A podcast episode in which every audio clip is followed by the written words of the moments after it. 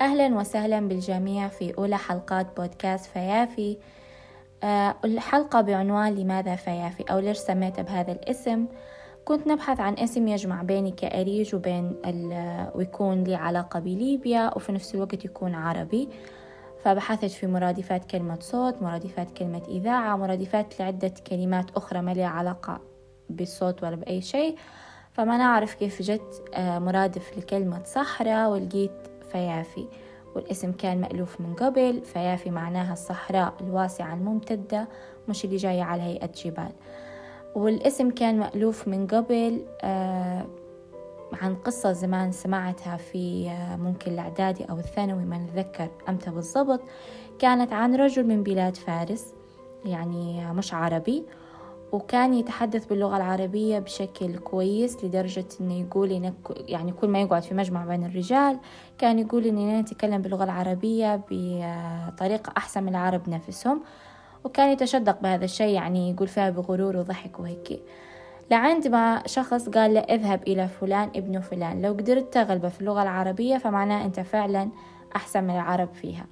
فمشى للحوش حوش الرجل هذا وطرق على الباب فتحت له البنت الصغيرة بنت الرجل الصغيرة فقال لها آه قالت له من على الباب؟ قال لها أنا رجل من العرب أريد أباك يعني إني رجل من العرب ونبي بوك فقالت له أبي ذهب إلى الفيافي فإذا فاء الفي أفى.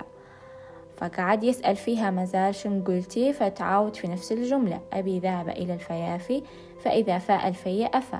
فهو قعد يعاود في نفس السؤال وهي تعاود في نفس الإجابة اللي عند أمها. قالت لها من اللي على الباب؟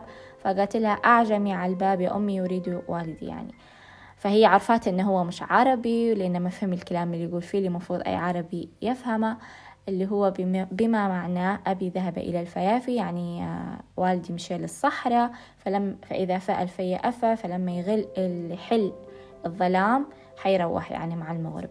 فكان هذا التفسير والقصة كنت غريبة علي لأن أول مرة نسمع فيافي وأفا والفي وهيك ونتذكر إن أعطيتها زمان في حصص آه، مكتبة لطلبة في عمر الثانوي والإعدادي في عمر الإعدادي والإبتدائي. فكان في فصل يقولوا لها قصة حرف الفاء. كان كل ما يجينا حد جديد يقولوا لي خبري قصة حرف الفاء لأن كلها فيافي وفاء وهيك فالاسم حسيته هذا اللي كنت ندور عليه آه، لتسمية البودكاست لأن كصحراء أو كالمكان اللي متواجد في المدينة متاعي عندنا المكان الطبيعي الأكثر وجود هو الصحراء فارتباطي بها زاد.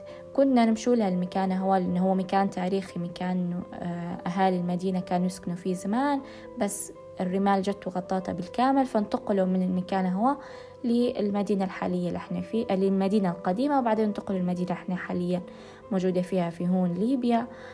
فكنا نمشوا ديما المكان هذا من لما صغار لكن ارتباطي بالمكان وبالصحراء كان من 2019 آه، شهر صفر نتذكر فيها مشينا للمكان هذا وشفنا الهلال متاع شهر صفر العربي. وكان من أحلى الأيام آه، في حياتي كي قاعدة نتذكر فيها حلوة كانت من من بعد العصر لعند المغرب ولعند ظلمت فعلا وروحنا كنا شفنا الشفق وكل شيء غادي والمكان كان جدا هادي وساكن وسمح الصحراء بعدين قعدت نمشي لها أكثر كمكان لما أنت مثلا تكون متضايق أو تبي تفكر في حاجات أنت بتديرها أو تفكر في داخلك فكنت نمشي للمكان هو مرة مرة. آه، لأن الصحراء يعني مؤمنة أن كل شيء ربي خلقه في الطبيعة موجود لسبب فخلق البحار لسبب والصحراء لسبب يعني مكان كصحراء مغطى بالرمال ما فيش حياة يعني ما في حياة أي معالم للحياة ما في مية ما في آه نباتات ولا شيء لكن خلق لسبب من إن من وجهة نظري واحد من الأسباب إن هي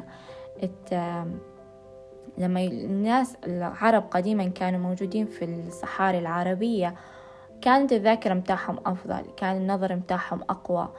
كانوا متصلين مع نفسهم بطريقة أحسن من توا لأن الصحراء من وجهة نظري هي مكان ساكن مش متحرك مثلا مثلا زي إنا في الطبيعة نفضل الجبال أكثر مكان نرتاح فيه نفسيا. ثاني شيء الصحراء ولكن الجبال إن من الصعب اللي نمشي لها. ديما فكانت المكان الثاني هو الصحراء أكثر شيء. فمن وجهة نظري أن الصحراء هي مكان ساكن. مش متحرك إلا لو كان فيه ريح مثلا. يعني هواء متحرك بشكل كبير فممكن بتكون هي التحرك. بس مش زي مثلا البحار أو مكان فيه أشجار أو أنهار أو حاجة زي هي تبدأ في حالة حركة دائمة.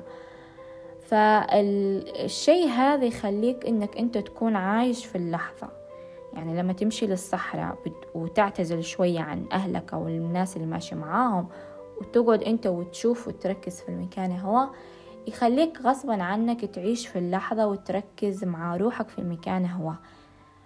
تتصل بروحك أكثر. كنت في الفترات الأخيرة لما نمشي عادة أرفع معايا في مذكرة وكان في أي أفكار نكتبها فيها أي حاجات نكتبها فيها مع أن الوقت اللي كنا نمشوا له يعني قصير من بعد العصر لعند المغرب.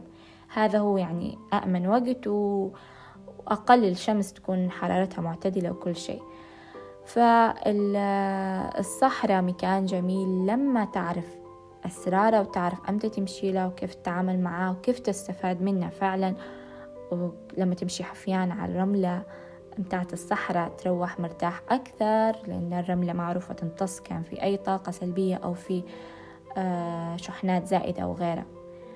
فالمكان هذا بسبب ارتباطي به آخر فترة. وحس... ومرة نذكر فيها إن حطيت تويتر في تويتر عن المكان اللي إحنا مشينا له هذاك اليوم في 2019 ونتذكر إن انتشرت التغريدة هذه وياسر وحدين عرفوني منها إن الله محلاه المكان وياتي نمشي للصحراء ويكي تفضل إنه هو صح مكان موجود لكن أنت مش مستفاد منه كيف ما يجب.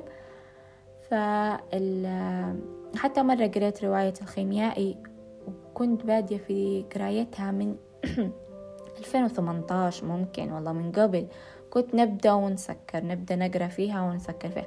لكن شديتها في السنة اللي فاتت وكملتها وهي كانت ثلاث أرباع أجزائها الأحداث متاعها موجودة في الصحراء. ففي حاجات هيك لما هو يحكي فين إن كيف أنت تكون هو عن شخص من إسبانيا تعرف على رجل خيميائي وبيبي يعرف أسرار الخيمياء وأسرار الحياة أو سر سر الرحلة متاعها كيف.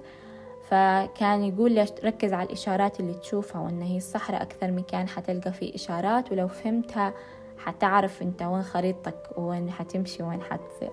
هي الرواية يعني بصفة عامة في البداية كان في شوي إنه كيف بننسجم بعدين في الأخير انسجمت لمع كنت نبي نعرف شنو بيصير معاه في الصحراء. فهذا السبب التسمية. بودكاست فيافي آه، حيكون قريب. قريب بالدرجة الأولى من المجتمع الليبي وبالدرجة الثانية المجتمع العربي وغير العربي يعني حيكون توعوي ثقافي أيضا حيعرف. حيكون توعوي بالدرجة الأولى عن مواضيع تهمني ونحب نشارك فيها مع الناس آه نشارك وجهات نظري مع الناس فيها كذلك إنه يكون أحيانا نشارك من جانب التراث والفن الموجود في ليبيا للوطن العربي وللعالم أجمع أنه يشوفوا البلاد هذه من زاوية أخرى أو من منظورنا كأريج شخصيا. فهذه أول حلقة تعريفية بسيطة. إن شاء الله حنعرفوا أكثر في الحلقات الجاية عن المواضيع اللي إنا في بالي.